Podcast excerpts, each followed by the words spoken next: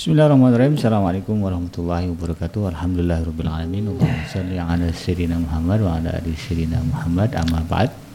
Kembali berjumpa di udara di gelombang 94 PTM iDream Radio Successful Muslim Family bersama saya Bikanji di kesempatan uh, petang hari ini. Seperti biasa kita akan mendengarkan kajian rutin dari guru kita Al-Ustaz Abdul Haidar Alsi dan untuk hari ini tema yang akan dibahas adalah Eh, metode dan sarana dakwah. Tentu ini penting bagi kita, bagi Anda yang aktif berkecimpung dalam dunia dakwah harus paham betul apa dan bagaimana insya Allah kita akan dengarkan penjelasannya dari guru kita bersama Al-Ustaz Abdullah Dan sebagai informasi bagi Anda sahabat Idrim Radio, acara ini terselenggara atas kerjasama antara Idrim Radio dan Idrim TV berserta dengan Patra, Biro Haji dan Umroh yang sejak uh, berdiri sejak tahun 1995 dan juga Kazwa platform pembiayaan syariah online.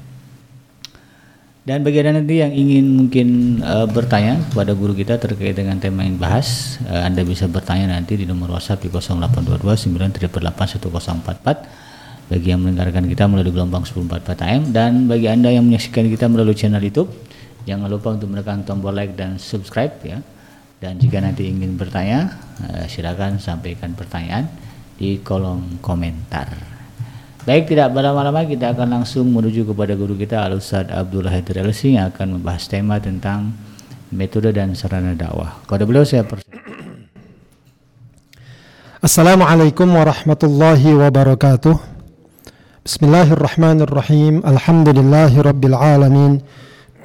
Wassalatu wassalamu ala sayyidina Muhammadin wa ala alihi wa ashabihi wa man tabi'ahum bi ihsanin ila yaumiddin amma ba'd. Sahabat Adrim di mana saja berada, semoga kita selalu berada dalam perlindungan Allah, kasih sayang Allah, keridhaan dan keberkahan Allah Subhanahu wa taala. Selamat berjumpa kembali dalam program kita Ngaji From Home untuk uh, selalu kita meningkatkan dan memantapkan pemahaman kita terhadap syariat dan ajaran Allah Subhanahu wa taala. uh, sahabat dan sekalian, uh, kali ini kita akan membahas satu tema yaitu terkait dengan metode dan sarana dakwah. Ya, sudah kita ketahui bersama uh, betapa besarnya kedudukan dakwah, betapa agungnya dakwah dan hendaknya dakwah ini merupakan uh, satu sikap ya dan tindakan yang uh, dimiliki dan di apa namanya dirasakan ya sebagai tanggung jawab bersama kita umat Islam siapa pun kita ya siapa pun kita hendaknya berusaha punya andil punya peran berpartisipasi dalam dakwah dengan segala kapasitas dan kemungkinan yang dimiliki masing-masing. Akan tetapi tentu yang juga harus kita pahami adalah bahwa uh, setiap tujuan hendaknya memiliki atau melakukan metode-metode yang baik, yang sesuai, yang tepat agar uh, setiap kegiatan uh, dapat uh, apa namanya sesuai arahnya ya, sesuai sasarannya dan dapat dilakukan dengan sebaik mungkin. Termasuk juga dalam masalah dakwah. Masalah metode dan sarana ini juga memiliki peran penting ya sehingga yang kita lakukan bukan hanya sekedar berdakwah, bukan sekedar semangat berdakwah, tapi juga penting bagi kita mempertimbangkan, melihat uh, melakukan ya metode-metode yang pas, yang tepat, yang efektif agar dakwah ini memberikan uh, nilai yang baik. Uh, landasan dari pemahaman ini adalah firman Allah Subhanahu wa taala surat An-Nahl ayat 125. A'udzu billahi minasyaitonir rajim. Ud'u ila sabili rabbika bil hikmati wal mau'izatil hasanah. Wajadilhum billati hiya ahsan. Inna rabbaka huwa a'lamu biman dhalla an sabilih wa huwa a'lamu bil muhtadin. Serulah, ajaklah manusia kepada jalan Tuhanmu dengan hikmah. Ya, hikmah ini maknanya bisa bermacam-macam.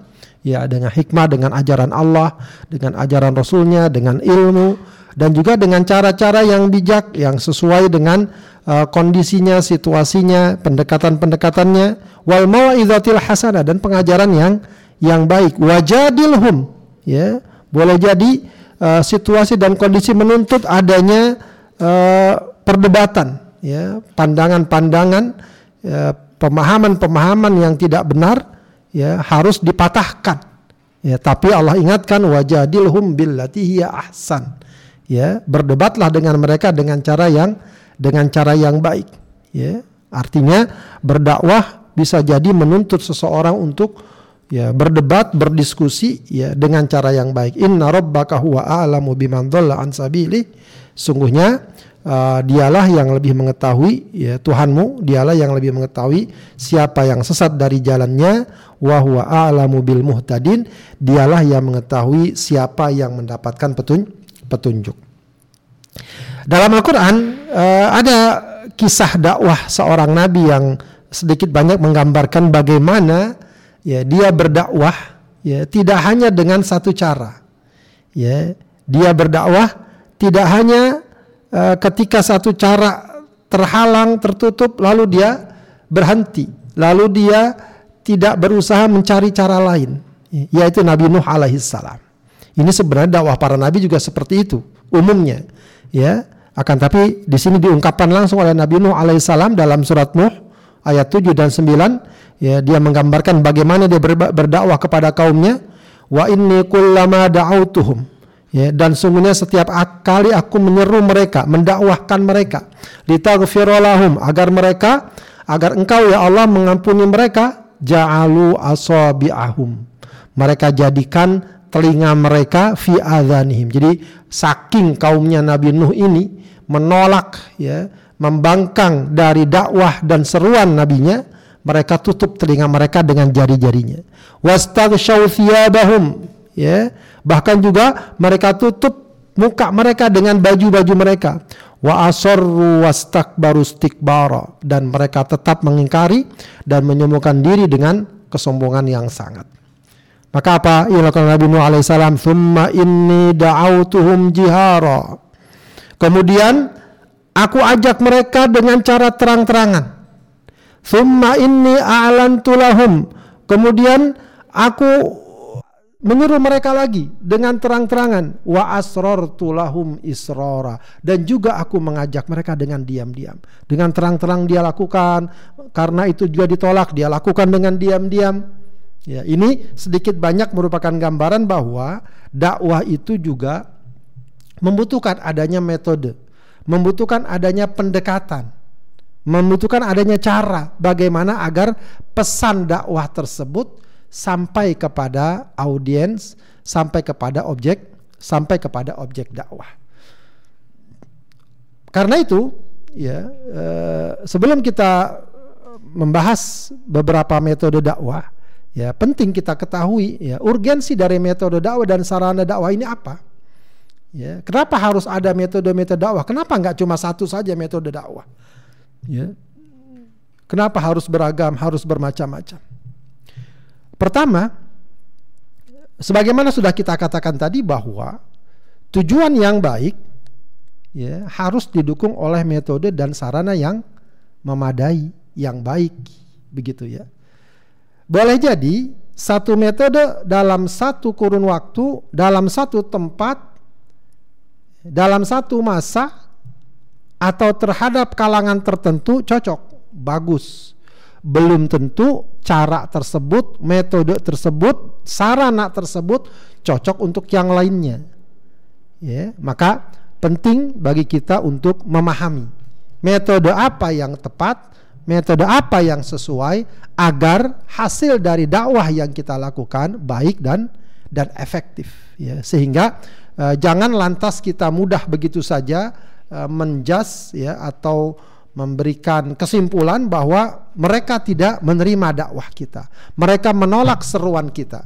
Boleh jadi ya kalau dilakukan dengan pendekatan yang lain, dengan cara yang lain akan lebih mudah diteri diterima. Begitu ya. Kemudian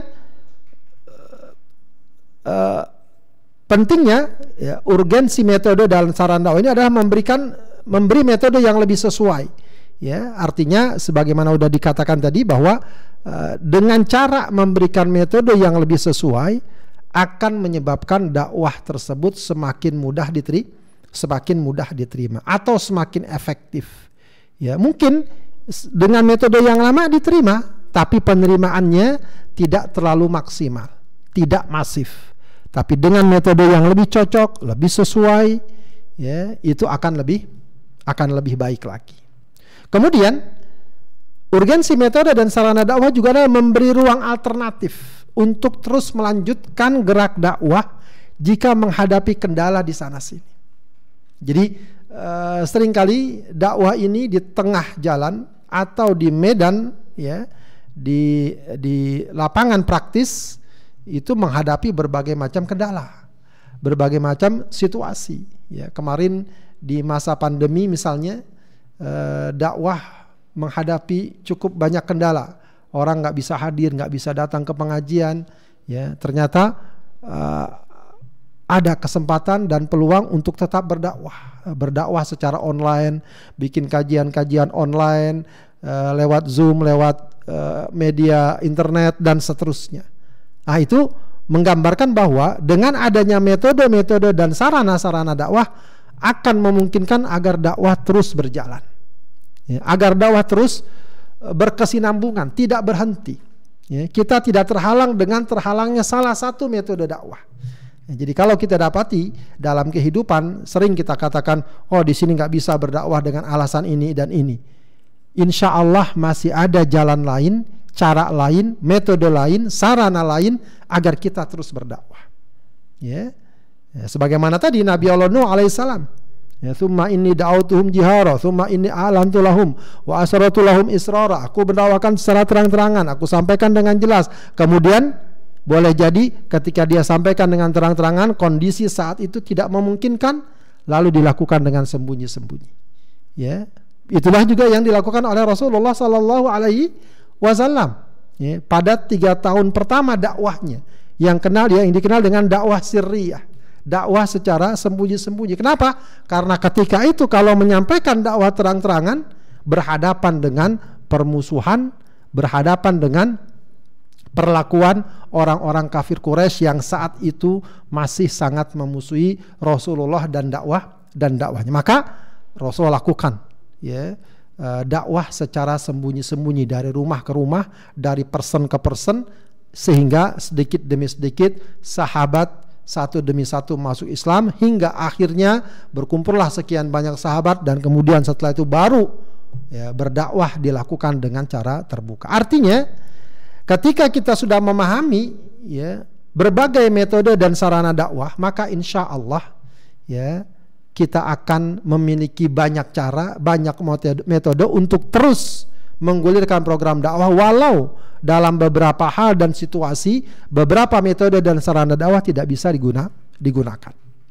Kemudian dengan banyaknya metode dan sarana dakwah ya akan membuka kesempatan ya berbagai pihak kaum muslimin dengan segala lapisannya dengan segala kapasitasnya kemampuannya untuk terlibat dalam dakwah Ya, sebab kalau metode dakwah hanyalah sekedar ngaji, baca kitab, mengajarkan, tidak semua kaum muslimin bisa melakukan hal tersebut. Tapi ternyata dakwah ini metodenya banyak, caranya banyak, pendekatannya banyak, sarananya banyak. Ya. Seseorang mungkin tidak bisa mengajar, tidak bisa ceramah, dia tetap bisa berdakwah. Dia tetap bisa mengajak saudaranya dengan apa yang dia mampu, yang dia miliki, yang dia bisa ya dengan metode dengan cara yang sesuai dengan kapasitas dan kemampuannya. Begitu ya. Ini juga uh, satu hal yang cukup menarik ya dengan ragam dan banyaknya metode dakwah. Kemudian metode dakwah juga ya, membuka peluang penerimaan dakwah ya. Objek dakwah boleh jadi tidak tertarik dengan gaya dakwah seperti ini yang orang sekarang bilang mungkin istilahnya konservatif, konvensional begitu ya.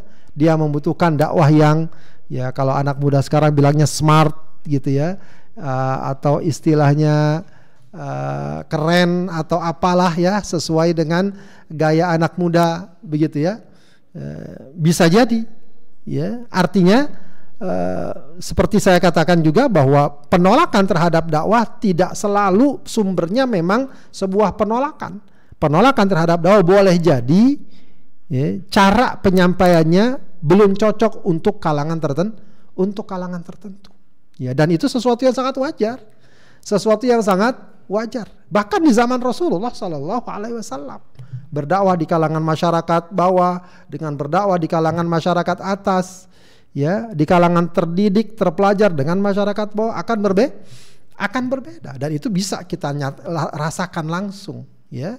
Kita nggak mungkin menyampaikan sebuah uh, kajian tema-tema dengan uh, pendalaman ilmiah yang terlalu dalam di tengah masyarakat awam. Begitu ya.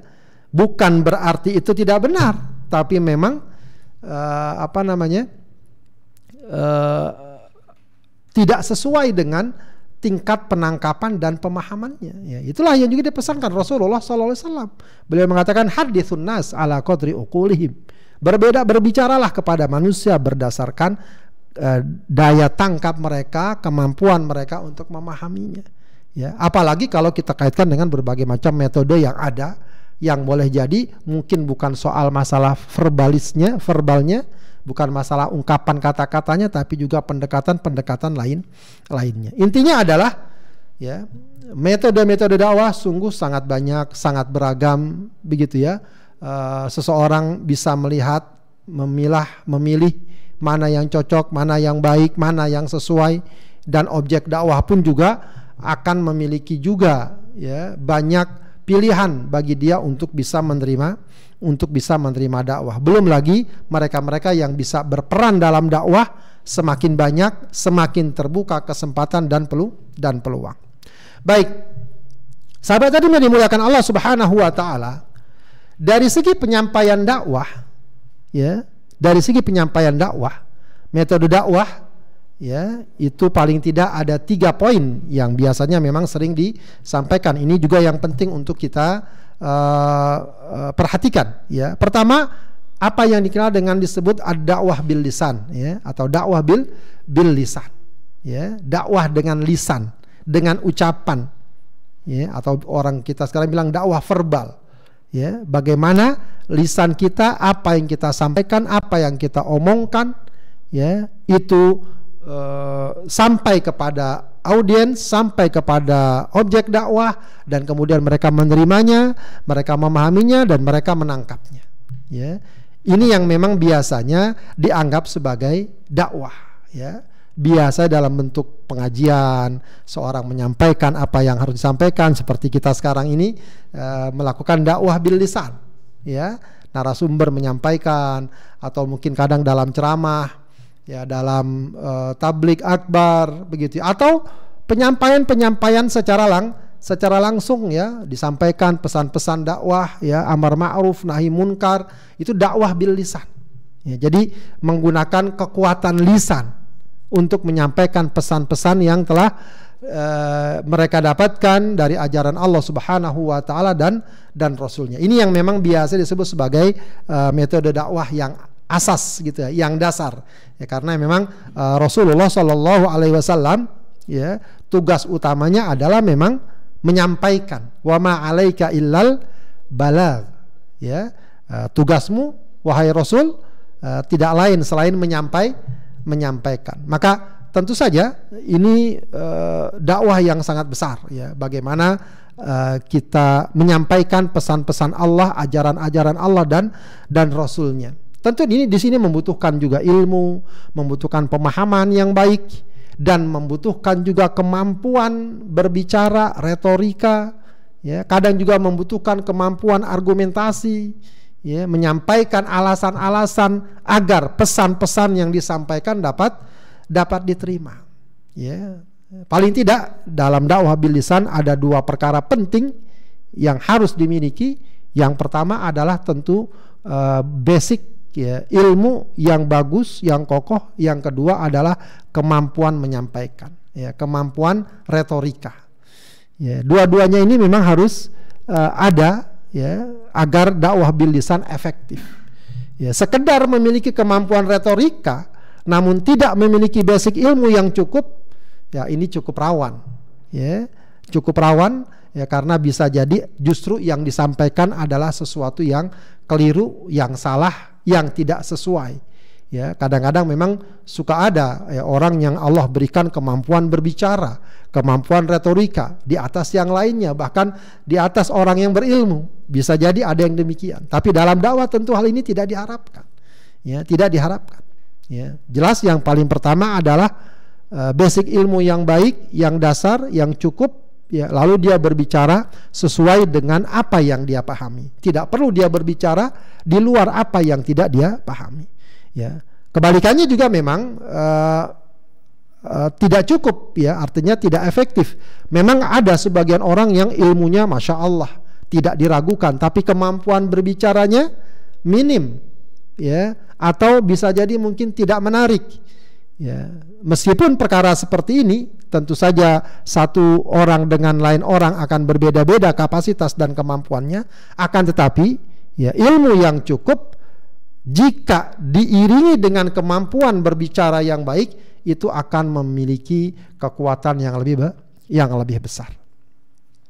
Kemudian uh, setelah dakwah selain dakwah bil lisan ada juga namanya dakwah bil hal atau dakwah bil hal ya ya ini dakwah dengan sikap dan perbuatan. Ya ya. Meskipun tentu bisa digabung antara lisan dan bil hal ini. Ya uh, tapi boleh jadi ada orang yang nggak punya nggak punya apa kemampuan untuk berbicara. Ilmu nggak punya udah ilmu nggak punya berbicara nggak bisa. Ya maka dia bisa lakukan dakwah bilhal ya dakwah bilhal adalah tindakan-tindakan sikap-sikap perbuatan-perbuatan yang kemudian orang melihatnya sebagai sebuah cerminan dari ajaran Islam. Ya ini juga tidak kalah pentingnya. Ya bahkan uh, pada sebagian orang ya yang mereka nilai adalah bukan apa yang disampaikan tapi pada teladan pada contoh pada sikap yang mereka lihat dan saksikan. Ya uh, maka sering diucapkan atau diungkapkan ada satu ungkapan lisanul hal khairun min lisanil maqal ya lisan tapi dalam bentuk perbuatan artinya pesan yang disampaikan dalam bentuk sikap dan perbuatan itu lebih kuat, lebih baik daripada pesan yang disampaikan dengan lisan. Maksudnya apa? Maksudnya adalah orang menyampaikan dengan lisannya kebaikan-kebaikan, nilai-nilai positif. Namun, ya, selain itu yang tampil dan diwujudkan dan dicontohkan adalah hal-hal yang negatif. Katakanlah dia berbicara tentang kejujuran, dianya tidak jujur Ya. Sementara ada orang yang nggak berbicara tentang kejujuran, tapi orang tahu dia ini orangnya jujur, itu akan lebih ditangkap oleh orang lain, akan lebih mudah diterima oleh orang oleh orang lain. Maka tentu yang ideal adalah dakwah bil lisannya bagus, dakwah bil halnya juga bagus. Ya, bukan cuma ucapan yang dia sampaikan, tapi inilah Muslim. Ya, beginilah kami melaksanakan ajaran Islam dari aspek ibadah, dari aspek akhlak, moral, keluarga, ya, e, muamalah, transaksi, ya, dan berbagai aspek lainnya. Ya, maka kalau sudah seperti ini, dakwah akan semakin akan semakin efektif. Maka memang penting juga ya program-program dakwah e, menyentuh perkara-perkara yang real di tengah masyarakat, di tengah masyarakat. Begitu ya. Ya, memang ini patut digalakkan juga ya bagaimana misalnya membantu kalangan menengah ke bawah yang boleh jadi ekonominya sedang terdesak, bagaimana membantu orang sakit agar mendapatkan pengobatan itu semua dakwah bilhal. Ya, belum lagi ketika kita berinteraksi, e, bertransaksi, maka kita tampilkan contoh-contoh gambaran-gambaran oh begini ternyata orang muslim. Ya, sehingga orang tertarik dengan ajaran ajaran Islam dan itu banyak terjadi sejak zaman dahulu hingga sekarang bagaimana dakwah bil hal ya menarik perhatian orang-orang non muslim kemudian mereka mempelajari ajaran Islam dan akhirnya masuk Islam. Namun memang tidak kita pungkiri ya uh, fenomena ironis yang tidak jarang terjadi. Bagaimana tidak sedikit banyak orang yang mendapatkan gambaran buruk negatif tentang Islam bukan karena ajaran Islamnya buruk dan negatif, tapi karena mereka melihat perilaku sebagian kaum muslimin yang negatif yang tidak produktif. Ya, dilihatnya sebagian kaum muslimin misalnya pembohong, tidak menempati janji, tidak amanah, kotor, tidak menjaga kebersihan, tidak disiplin. Nah, itu gambaran-gambaran yang kerap terjadi dan sering kemudian disematkan kepada ajaran Islam. Padahal ajaran Islam tentu berlepas diri dari sikap-sikap yang uh, tidak baik tersebut tidak baik tersebut. Dari sinilah kemudian terkenal sebuah istilah yang dahulu pernah disampaikan oleh seorang tokoh muslim, uh, Syekh Muhammad Abduh, dia mengatakan al-islamu mahjubun bil muslimin. Islam itu terhalang, tertutup oleh kaum muslimin itu sendiri.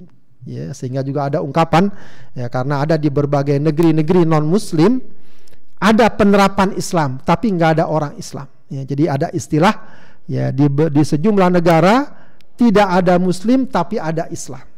Sementara di negeri Islam banyak orang muslim tapi tidak ada Islam. Tentu ini sebuah ungkapan sarkas ya uh, untuk menggambarkan kadang di beberapa negara yang kaum muslimin minoritas di sana memang diakui ya di sana katakanlah ada kedisiplinan, ada kebersihan, ada sikap menepati waktu yang itu semua sesungguhnya ajaran Islam ya, ajaran Islam. Dan kita tidak perlu malu untuk mengatakan ini yang bagus, ini yang baik. Sementara di tengah masyarakat muslim kadang ditampilkan tampilan-tampilan yang nega, yang negatif.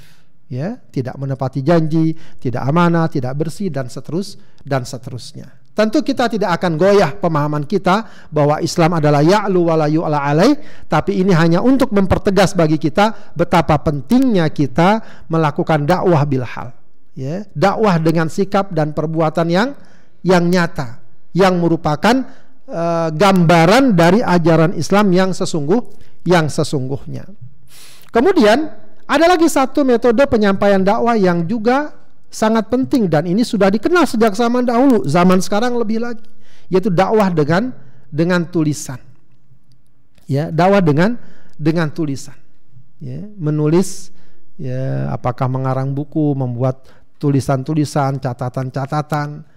Ya, ini satu hal yang juga sangat besar pengaruhnya. Ya, dahulu para ulama menyusun kitab-kitab yang sampai sekarang kita tetap bisa mengambil manfaat dan kebaikan kebaikannya. Bayangkan kitab-kitab yang kita baca sekarang itu banyak yang sudah berabad-abad ya usianya. Maksudnya adalah kitab ini walaupun sudah dicetak berulang-ulang tapi sudah ditulis sekian abad yang lalu sampai sekarang ya terasa manfaatnya baik kitab-kitab hadis, kitab-kitab tafsir, kitab-kitab fikih dan lain sebagainya.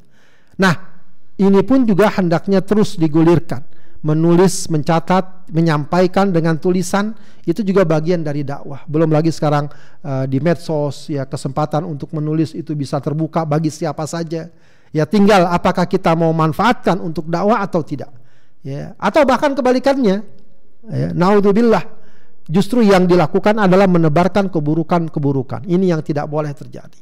Ya, maka peluang yang ada, potensi yang ada pun harus kita manfaatkan dengan uh, peluang atau dengan dakwah yang dapat kita lakukan.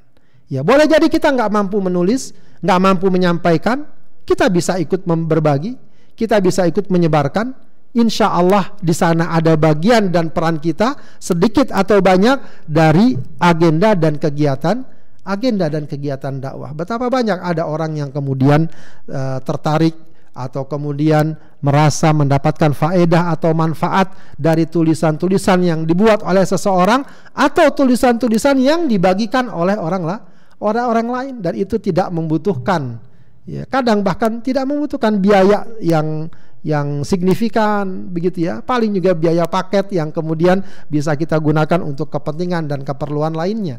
Lain kalau zaman dahulu ya kita ingin berbagi tulisan mungkin kita butuh beli buku kita bagi kepada orang lain. Kalau sekarang ya banyak hal-hal yang bisa kita bagikan begitu saja ya dan itu adalah merupakan bagian dari dakwah yang uh, dapat kita lakukan. Nah di sinilah uh, dari sini saja sudah terbuka sebenarnya peluang-peluang ya untuk berdakwah ya dakwah bilhal bisa dilakukan oleh siapa saja tidak mesti oleh seorang kiai oleh ustadz begitu ya eh, bisa dilakukan oleh orang biasa bahkan bisa jadi mereka dapat menampilkan dakwah bilhal yang jauh lebih ba lebih baik ya. Tulisan juga begitu ya. Dia bisa dilakukan oleh siapa saja. Paling tidak kalaupun dia tidak menulis, dia bisa ikut membagikan, ikut memberikan sarana ya dan semacam dan semacamnya.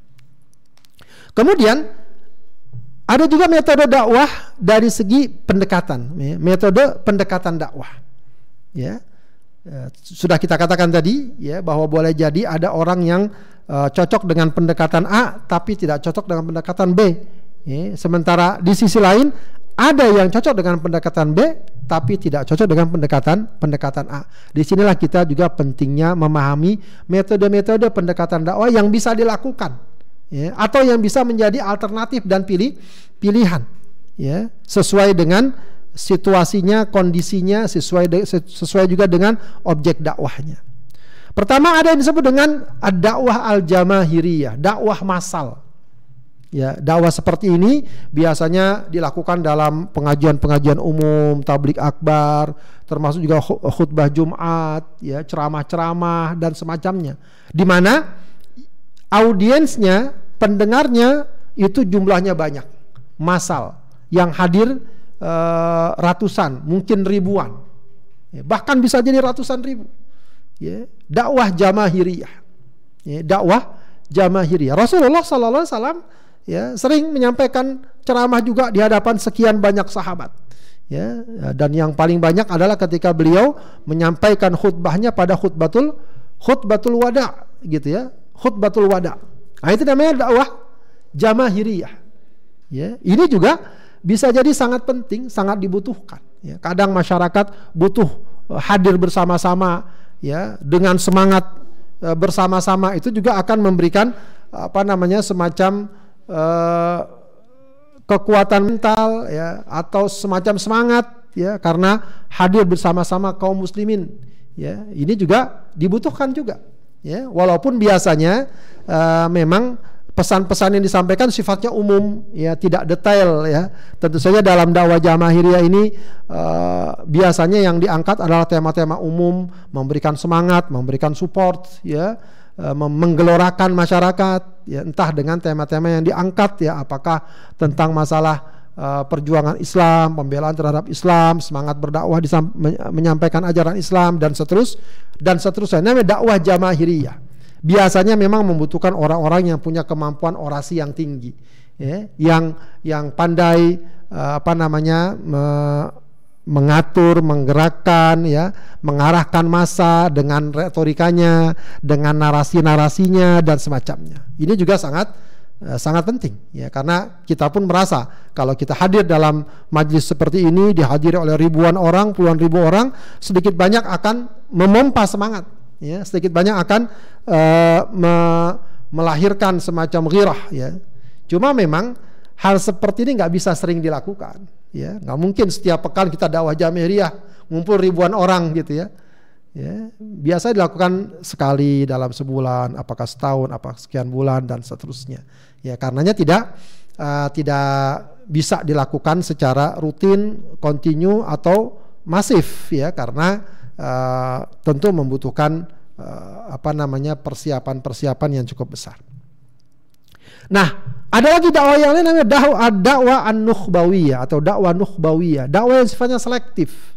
Ya, selektif karena manusia tentu bertingkat-tingkat. Ada yang memang e, bisa disampaikan secara bersama-sama, tapi ada orang-orang yang untuk mereka butuh kita lakukan pendekatan yang khusus ya karena dia punya kemampuan yang baik, punya kemampuan yang tinggi, maka dia layak untuk diberikan e, dakwah yang lebih intens, yang lebih dalam ya, yang lebih kuat. Agar apa? Agar nanti diharapkan dari mereka ini ya kalau bahasa sekarang menjadi kader menjadi kader dakwah, menjadi penerus dakwah, menjadi dai yang melanjutkan program dakwah. Ya, maka uh, dakwah nukhbawiyah ini biasa juga dikenal dengan uh, pendidikan-pendidikan ya, pengkaderan-pengkaderan termasuk sekarang apakah uh, apa namanya pesantren-pesantren, lembaga-lembaga pembinaan dai dan seterusnya. Nah, ini namanya dakwah nukhbawiyah.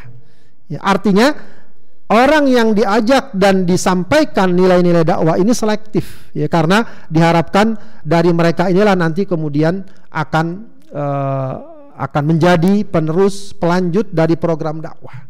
Ya, kalau kita perhatikan pun pada zaman Rasulullah Sallallahu Alaihi Wasallam, para sahabat itu sangat banyak sekali. Ya, kalau diriwayatkan dalam haji wada, sahabat yang ikut haji bersama Rasulullah lebih dari 100 ribu. Tapi siapakah kita yang tahu semua 100 ribu para sahabat? Tidak. Yang kita kenal sahabat-sahabat yang memang uh, sudah cukup dikenal ya, Khulafaur Rasyidin dan lain sebagainya. Dan mereka biasanya mendapatkan pembinaan secara khusus, mendapatkan ajaran secara khusus dari Rasulullah Sallallahu Alaihi Wasallam. Ya, ini yang disebut dengan nukhbah, pilihan. Ya, uh, Nabi Isa alaihissalam juga memiliki al-hawari, ya, pengikut-pengikut setianya. Ya, biasanya ini memang pilihan ya karena itu merupakan tabiat atau sunnatullah dalam kehidupan bermasyarakat bahwa di masyarakat memang ada tingkatan-tingkatan ada lapisan-lapisannya ya. dan dalam semua hal ya dalam semua hal bahkan misal dalam olahraga sekalipun nggak semua semua orang mungkin senang sepak bola tapi ada yang nukbahnya ada yang bintangnya ada yang uh, pemain terbaiknya ada yang kelas A kelas B kelas C dan seterusnya nah dakwah nukbawiyah ini seperti itu. Ada tingkatan-tingkatan, ada yang kelas santri, ada yang uh, sudah ma'had ali, ada yang lebih tinggi lagi. Bacaan uh, kitabnya juga tidak lagi berbicara tentang masalah yang dasar, tapi sudah lebih tinggi lagi, lebih tinggi lagi namanya dakwah nukbawiyah. Ya, dakwah nukbawiyah. Bisa jadi ada orang yang cocok di sini. Ya, dia butuh pendalaman yang lebih yang lebih kuat. Ya, kemudian juga cara menyampaikannya berbeda lagi dengan dakwah masal jamaahiriyah. Ya, kalau dakwah jamaahiriyah bagaimana menggelorakan dan mengangkat semangat. Kalau dakwah nukbawiyah bagaimana menghidupkan semangat ilmiah, semangat belajar, semangat meneliti, semangat menghafal yang tidak semua orang punya kemampuan seperti seperti itu. Kemudian ada juga dakwah yang disebut dakwah kultural. Ya. Dakwah kultural adalah dakwah yang uh, apa namanya menyatu di tengah masyarakat ya. Ini juga uh, boleh jadi ada unsur verbalnya kita sampaikan tapi uh, kita sesuaikan dengan kultur dengan budaya yang ada begitu ya. Mungkin kalau kita lihat uh, apa namanya uh, kisah atau sejarah Wali Songo ya bagaimana mereka cukup sukses menyampaikan dakwah karena disampaikan sesuai dengan kultur masyarakat yang ada ya. Salah satu yang mereka lakukan adalah berdakwah lewat pewayangan karena di saat itu di masyarakat Jawa secara khusus yang namanya wayang adalah sebuah budaya yang sudah sangat dikenal dan sangat akrab maka masuklah para ulama kita dari kalangan Wali Songo kemudian menampilkan nilai-nilai dan ajaran Islam lewat tampilan-tampilan pewayangan yang mereka lakukan. Itu termasuk gambaran dari bentuk dari dakwah sya'biyah, dakwah kultural. Ya, atau juga sekarang mungkin bisa diartikan sebagai dakwah informal gitu ya. ya artinya bisa jadi dakwah dilakukan dengan pendekatan-pendekatan kultural ya mungkin ada yang melakukan dakwah dari uh, katakanlah uh, pertanian misalnya ya dia mulai dahulu dengan uh, mengajak orang bertani yang baik, caranya yang baik bagaimana, bagaimana mengelola sawah, bagaimana hasilnya, lalu kemudian mereka mulai memasukkan nilai dakwah ya, kemudian uh, mengajak masyarakat untuk sholat, kemudian kalau ada hasil yang seharusnya dizakatkan dizakatkan dan seterusnya. Itu namanya dakwah, dakwah syabiyah. Kita menyatu di tengah masyarakat sehingga sedikit demi sedikit ya masyarakat semakin dekat dengan dakwah ya dan kemudian dakwah itu sudah menyatu. Ajaran Islam sudah jadi budaya sudah jadi budaya ya sudah jadi budaya. Ini namanya dakwah kultural ya. Ini juga bisa dilakukan oleh siapa pun ya. Ya kadang uh, belum tentu bisa jadi seorang ustadz seorang kiai mampu berdakwah secara kultural dengan baik. Tapi ada orang masyarakat awam bisa jadi dia bisa melakukannya dengan baik ya dia bisa bergabung misal di komunitas di kelompok tani ini di kelompok itu ya, lalu dia menyampaikan bisa jadi seperti itu.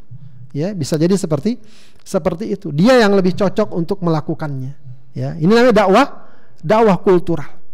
Ya dakwah kultural. Bisa dilihat kecenderungan masyarakat apa ya. E, kalau kita lihat sejarah para nabi sejarah para nabi Allah Subhanahu wa taala berikan mukjizat para nabi itu disesuaikan dengan latar belakang dari bangsanya ya. Uh, Nabi Musa diberikan uh, mukjizat tongkat yang bisa menjadi ular karena memang saat itu yang jadi patokan adalah para ahli sihir ya. Maka Allah berikan mukjizat itu. E, Nabi Isa ya Allah berikan kemampuan untuk mengobati karena memang saat itu sistem pengobatan ya itu sangat diagung-agungkan. Ya begitu seterusnya. Itu gambaran bagaimana uh, apa namanya di antara pelajarnya bagaimana seorang dai bisa masuk ke satu masyarakat sesuai dengan kultur yang yang ada. Ya. tapi kalau dia datang dengan kultur yang berbeda bisa jadi langsung ditolak langsung ditolak. Bukan lagi-lagi bukan karena tidak benarnya ajaran Islam tapi tidak sesuai dengan uh, tingkat penerimaan yang mereka bisa beri yang mereka bisa berikan Begitu ya. Kemudian ada lagi dakwah al-muassasiyah, dakwah yang disebut dakwah struktural. Nah, kalau ini dakwah seperti ini dia sifatnya formal, kelembagaan, ya maka dibuatlah katakan sekarang uh, yayasan, lembaga-lembaga, persatuan-persatuan, organisasi-organisasi dan seterusnya.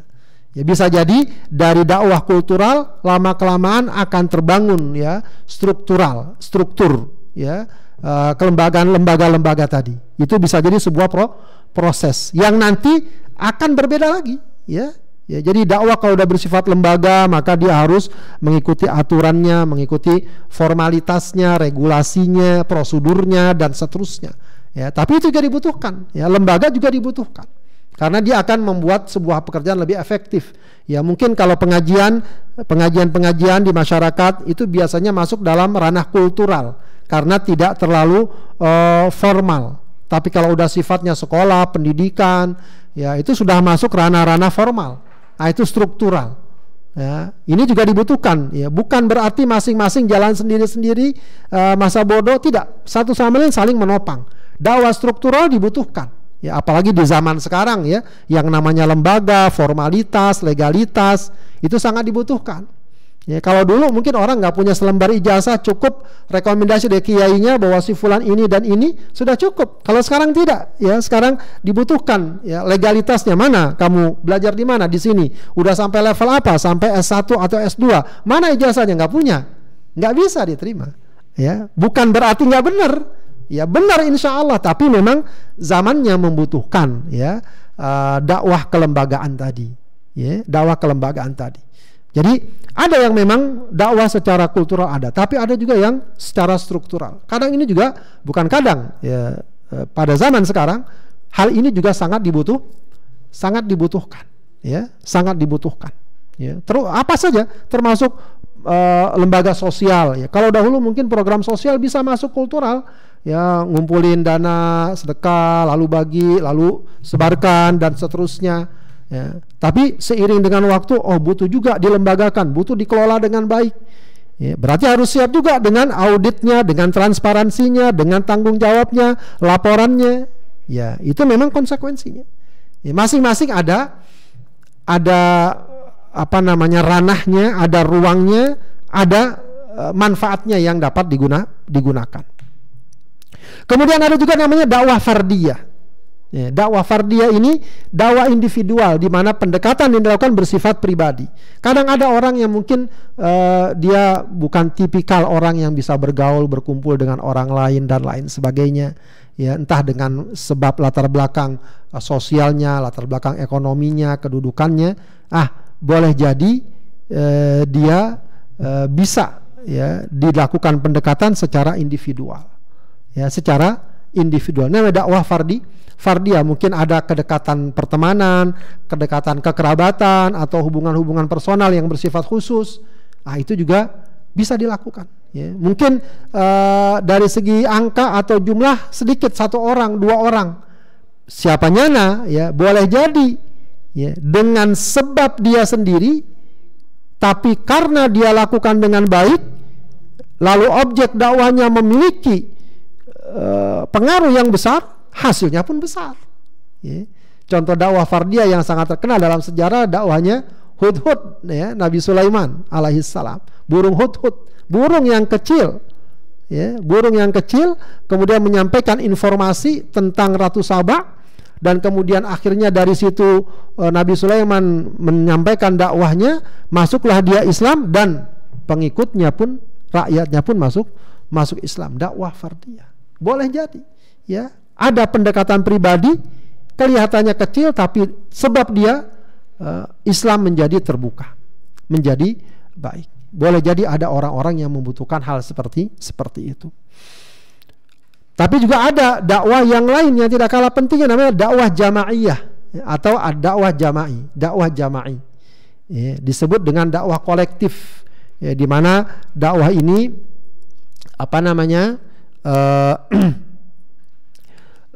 menggabungkan berbagai macam potensi lalu mereka bersepakat ya membuat sebuah program yang bersama. Kemudian ada ketuanya ada pengurusnya dan seterusnya. Ya ini juga hampir sama dengan dakwah struktural tadi ya. Uh, yaitu uh, dakwah yang bersifat kolektif ya. Uh, sehingga masing-masing diberikan tugas sesuai dengan kapasitasnya, kemampuannya dan seterusnya. Ini juga sangat penting ya dakwah jamaah ini. Ya karena bagaimanapun juga dakwah tidak mungkin diemban ya dipikul oleh seorang diri siapa pun dia. Bahkan nabi sekalipun Rasulullah Shallallahu alaihi wasallam ya dengan kedudukan dan kemuliaan tidak berdakwah sendiri. Dia didukung oleh banyak para sahabat oleh banyak para sahabat. Maka dakwah jama'i juga sangat dibutuhkan khususnya juga pada zaman sekarang. Ya bagaimana kita harus menghimpun berbagai macam potensi yang ada ya e, bukan hanya dari mereka yang berlatar belakang ilmu syariat tapi juga ilmu sains yang lainnya dan lain sebagainya ya sehingga kalau kita hanya mengandalkan kemampuan kita sendiri kita nggak akan berdaya tapi ketika kita himpun kekuatan-kekuatan dan potensi-potensi yang ada dalam satu program dakwah maka itu pun akan memberikan efektivitas dan hasil yang sangat yang sangat bermanfaat. Nah, kesemua dakwah ini, metode dakwah ini bukanlah sesuatu yang harus dibenturkan. Ya, nggak harus dibenturkan. Justru satu sama lain bisa saling melengkapi, menyempurnakan, mensupport. Ya, mensupport. Jadi jangan sampai yang satu mengatakan ah buat apa dakwah jamahiriyah cuma sekedar ngumpulin orang banyak tapi bagaikan buih. Tidak. Dia ada pentingnya, ada urgensinya, ada substansinya.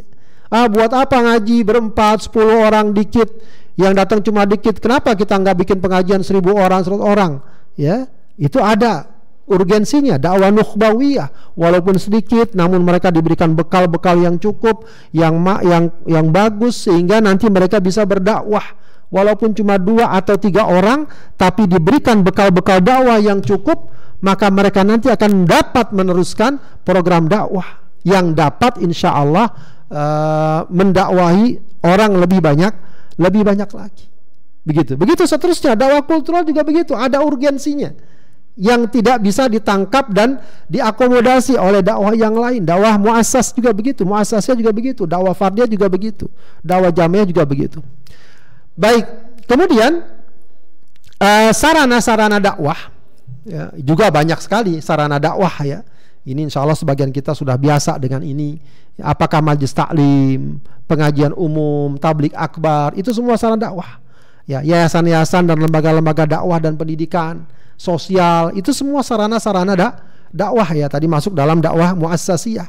Media cetak, media elektronik ini juga penting sekali ya, sarana-sarana dakwah yang mungkin masalah-masalah dahulu belum terlalu masif dilakukan, tapi pada zaman sekarang ya, menggunakan media-media yang ada itu sesuatu yang tidak bisa tidak ya, karena memang zaman sekarang ya Eh, berbagai macam informasi bisa disalurkan lewat media-media yang yang ada. Belum lagi sekarang media online ya yang uh, sangat terbuka luas yang semakin membuat dakwah ini sebenarnya semakin besar tantangan peluangnya. Ya, kalau dahulu ya seperti yang kita lakukan sekarang ini berdakwah lewat iDream ya. kalau pengajian offline mungkin paling banter yang hadir 10 orang, 20 orang, 30 orang itu sudah banyak.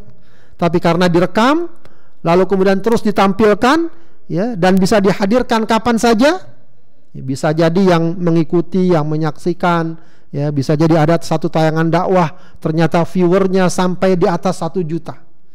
Atau ratusan ribu atau puluhan ribu atau bahkan sekedar ribuan sekalipun ya, itu sesuatu yang besar ya yang belum tentu bisa dilakukan lewat dakwah yang bersifat offline ya itu pun ya secara online bisa terus akan dimanfaatkan sepanjang waktu seterusnya.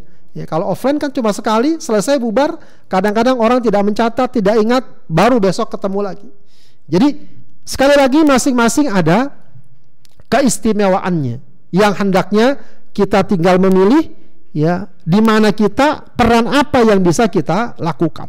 Termasuk sarana dakwah juga adalah komunitas-komunitas sosial. Sekarang banyak sekali perkumpulan-perkumpulan, grup-grup, ya apa namanya, uh, apa masa-masa yang yang yang berkumpul berdasarkan latar belakang tertentu apakah para petani apakah para pedagang ya sampai apa namanya biker ya bikers ya bukan biker bikers ya apa namanya pesepeda.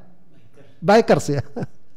Bikers sampai uh, apa pengendara mobil ya banyak sekali itu komunitas-komunitas yang ada.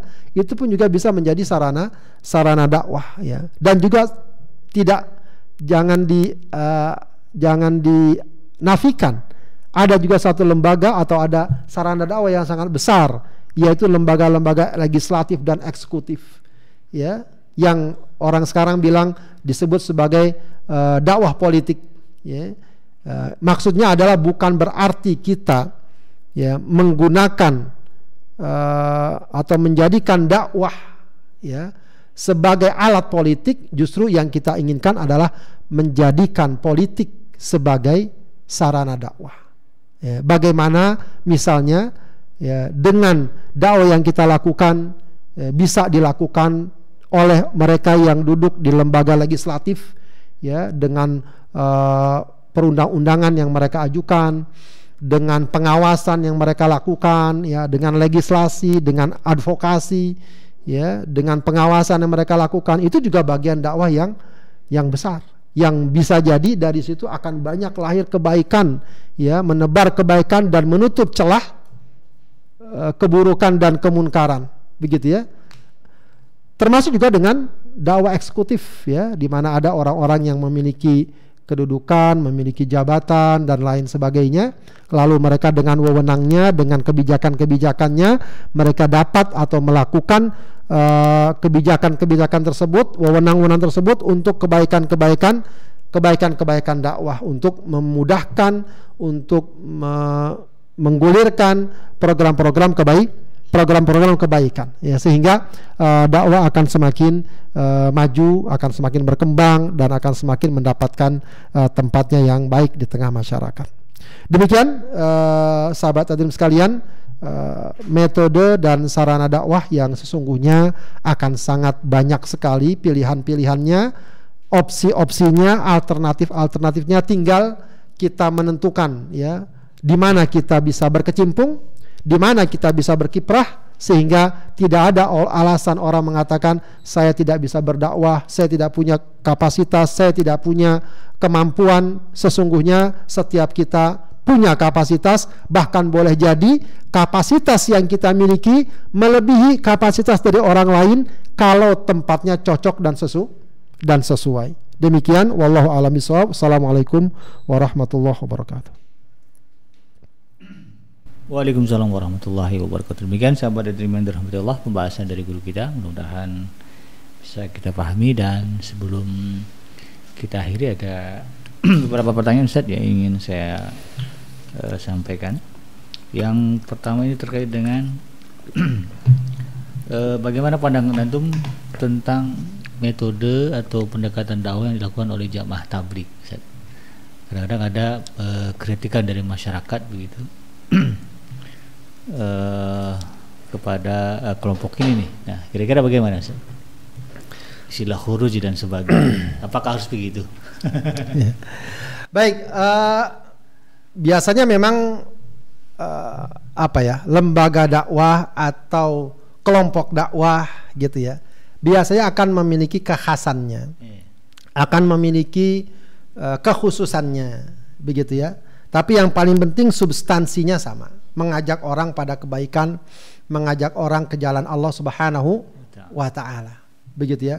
Nah, masalah pendekatan-pendekatan kekhususan-kekhususannya itu bisa kita jadikan sebagai uh, sesuatu yang boleh jadi mungkin masing-masing orang akan melihat bahwa uh, ini tidak cocok buat saya, tidak cocok buat sebagian orang dan lain sebagainya. Tapi faktanya memang banyak yang cocok begitu ya.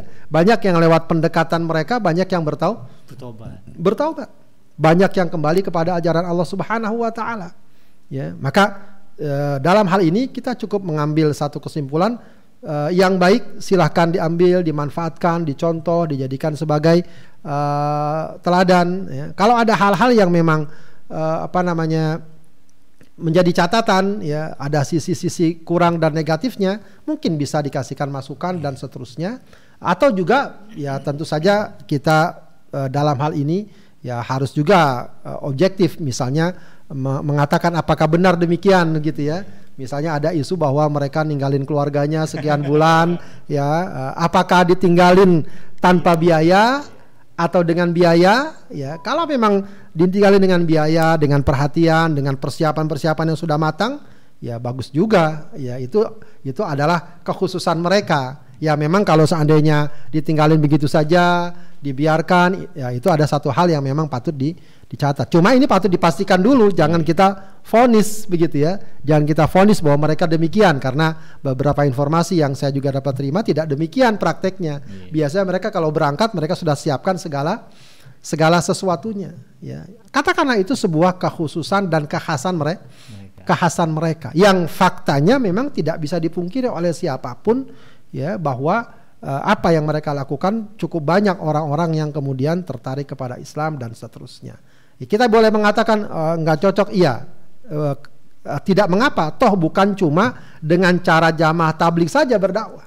Berdakwah bisa dengan cara yang yang lain, ya. Tidak harus misalnya menjadi jamaah tablik atau dengan cara jamaah jamaah tablik. Ya itulah yang tadi kita gambarkan bahwa metode dan sarana berdakwah sangat bah, sangat banyak. Ada boleh jadi orang yang cocok dengan metode dan sarana tertentu, ada yang tidak.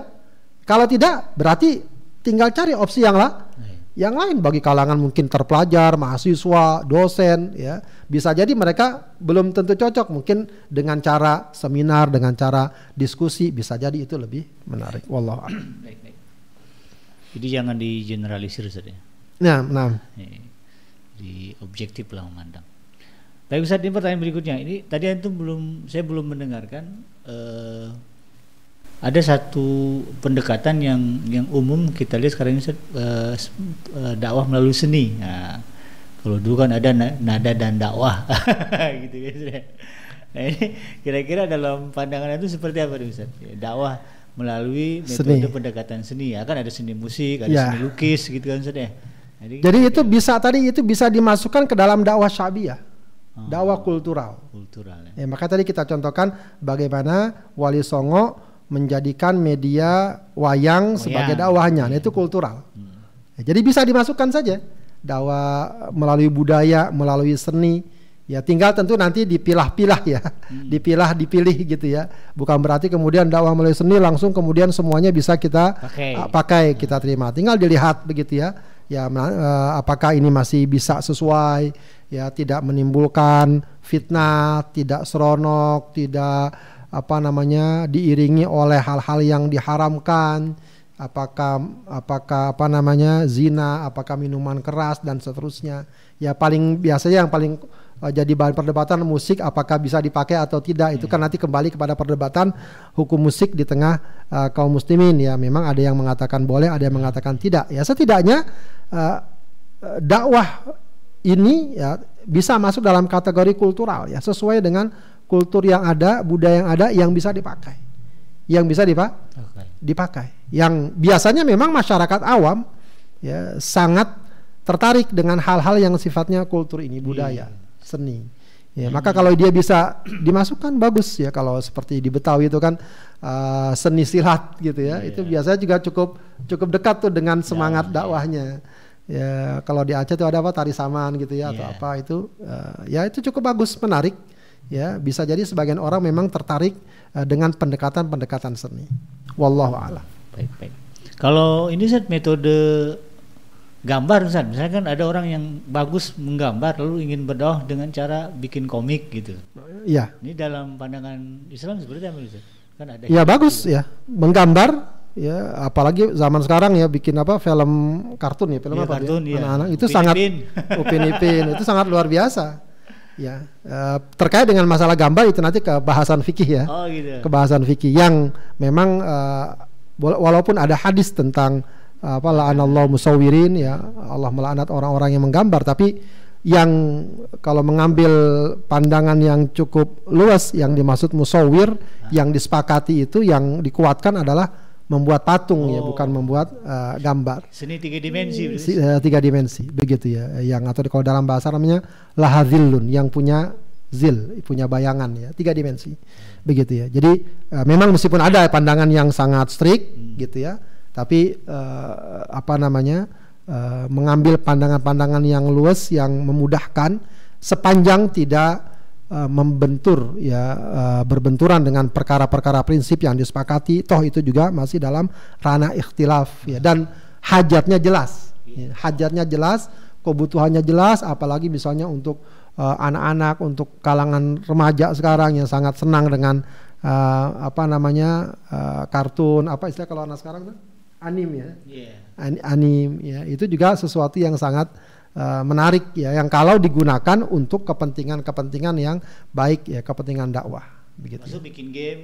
termasuk bikin game ya apa saja yang penting yang penting ada semangat dan tujuannya ya yang penting ada semangat dan tujuannya ini memang harus dibangun ya kemampuan anak-anak kita para remaja itu memang hendaknya ada yang mengarahkan ada yang memberikan arahan agar kemampuan mereka Iya. tetap dapat disalurkan ditingkatkan tapi juga dengan tujuan yang uh, lebih terarah dan ada korelasinya dengan da dengan dakwah begitu ya Ini luar biasa. Baik Ustaz, terakhir nih, ini terkait dengan ini Ustaz. Eh, pendekatan dakwah ke tempat-tempat maksiat gitu kan. Eh, misalnya ya di tempat kita ada tempat-tempat maksiat ya. Satu sisi kita juga tidak punya kemampuan nih, katakanlah seperti tokoh-tokoh yang mak bisa ngomong, mas bisa masuk begitu kan. Nah, apakah eh, pendekatan terbaiknya apa nih? Ya, kan memang eh, ada tokoh-tokoh yang kita nilai mampu gitu, tapi kan dia tidak di tempat kita adanya gitu kan di tempat yang lain. Sementara mungkin usaha-usaha di tempat kita ini ya kemampuan untuk menyuruh datang ke tempat maksiat, nah, itu kan terlalu riskan Ustaz. Kira-kira pendekatan seperti apa yang bagus dalam kondisi seperti itu Ustaz? Ya, eh, kita bisa menggunakan eh, bisa dakwah struktural itu bisa dilakukan. Oh, Ya, atau juga tadi dakwah fardiyah bisa kita dekati tokoh-tokoh tertentu yang punya wewenang. Ya, dalam hal ini mungkin pihak keamanan kah kalau memang ada kaitannya atau tokoh masyarakat, pemimpin masyarakat gitu ya. Itu bisa kita lakukan anggota dewan. Nah, ini juga nanti akan kaitan dengan dakwah eh, dakwah apa namanya? Eh, ya struktural tadi dakwah struktural ya kemudian juga dakwah parlemen dakwah politik itu juga bisa kita lakukan. Makanya memang eh, hal-hal seperti ini eh, boleh jadi menuntut adanya proses yang cukup lama cukup panjang begitu ya. Kita tidak bisa mengharapkan hasil yang instan. Oh ternyata menghadapi maraknya perjudian dan minuman keras nggak bisa nih hanya sekedar kita nganjurin kita apa begitu ya. Harus ada sebuah ya polisi yang sangat kuat ya. Kemauan politik political will kalau orang Iya. sekarang bilang. Nah political will ini kan nggak bisa juga akan lahir kecuali kalau orang-orang yang duduk di sana punya kemau Iya. kemauan. Nah itu bisa ada dua cara. Apakah kita sampaikan nilai-nilai tersebut Nah, ya kepada mereka mudah-mudahan mereka berubah atau ya berarti nah harus punya program jangka panjang. Kita berusaha bagaimana agar yang duduk di parlemen yang memegang eh, jabatan-jabatan eksekutif adalah orang-orang yang punya kepedulian terhadap Iya, da dakwah. terhadap dakwah. Itu artinya kita harus juga punya ya misi politik gitu ya. Bukan semata-mata untuk mendapatkan kekuasaan atau kursi tidak. Tapi bagaimana agar pesan-pesan dakwah kita ini eh, harapan-harapan dakwah kita ini bisa dengan mudah ya diterjemahkan dan ditangkap karena mereka yang duduk di parlemen kah yang di eksekutif kah begitu ya. Itu juga memiliki eh, semangat yang sama. Berarti ya eh, apa namanya uh, wawasan politik kita juga harus baik gitu ya. iya. Harus kita lihat ini siapa nih yang uh, baik, yang layak ya. Jangan hanya sekedar dikasih amplop 100 ribu, udah Jelas. pilih ini. Lalu kita nggak peduli ini siapa pun mau bodoh begitu ya. Ah, itu sangat tidak mendidik, sangat tidak mendidik. Jadi ini menjelang 2024 ya sahabat ya. Jadi coblos eh, yang betul gitu ya. Jangan sampai salah coblos. Kalau bingung ya nggak kenal siapa calonnya, eh, lihat partainya lah ya. Cari partai yang minim kasus korupsinya, cari partai yang orang-orangnya eh, apa punya giroh dan semangat dakwah yang tinggi gitu kan, aktif di masyarakat. ya. Sehingga kemudian eh, fenomena-fenomena yang tadi disebutkan ya, bisa dicegah eh, oleh orang-orang yang punya kekuasaan di parlemen. Baik Ustaz, eh, sebelum diakhiri silakan eh, kalau ada statement eh, closing statement atau pe- penutup dari antum kepada jamaah. Baik, eh, sahabat Adrim yang dimuliakan Allah Subhanahu wa taala, eh, alhamdulillah kita eh, sudah sedikit bicarakan ya. Dan ini tentu pembahasannya akan lebih dalam lagi kalau satu demi satu kita bahas, tapi paling tidak kita sudah sedikit banyak memiliki wawasan eh, betapa metode dakwah itu cukup beragam, pendekatannya bisa dilakukan dengan berbagai macam cara atau juga bahkan disesuaikan dengan kapasitas dan kemampuan uh, orang yang berdakwah dan juga disesuaikan dengan kapasitas dan kemampuan objek dakwah itu sendiri. Maka dengan uh, pandai-pandainya kita mencari metode dakwah yang pas, yang tepat akan membuat hasil dakwah akan lebih ba- lebih baik. Semoga bermanfaat. Wassalamualaikum warahmatullahi wabarakatuh. Waalaikumsalam warahmatullahi wabarakatuh. Demikian sahabat yang dirahmati Allah, tuntas sudah kebersamaan kita di eh, kesempatan kali ini mudah-mudahan bermanfaat. Eh, saya bikin Ji beserta kru yang bertugas pamit undur dari ruang dengan Anda. Mohon maaf atas segala kehilapan dan kekurangan. Subhanaka Allahumma rabbana wa bihamdika asyhadu an la ilaha illa anta astaghfiruka wa atubu ilaik. Walhamdulillahirabbil alamin. Assalamualaikum warahmatullahi wabarakatuh.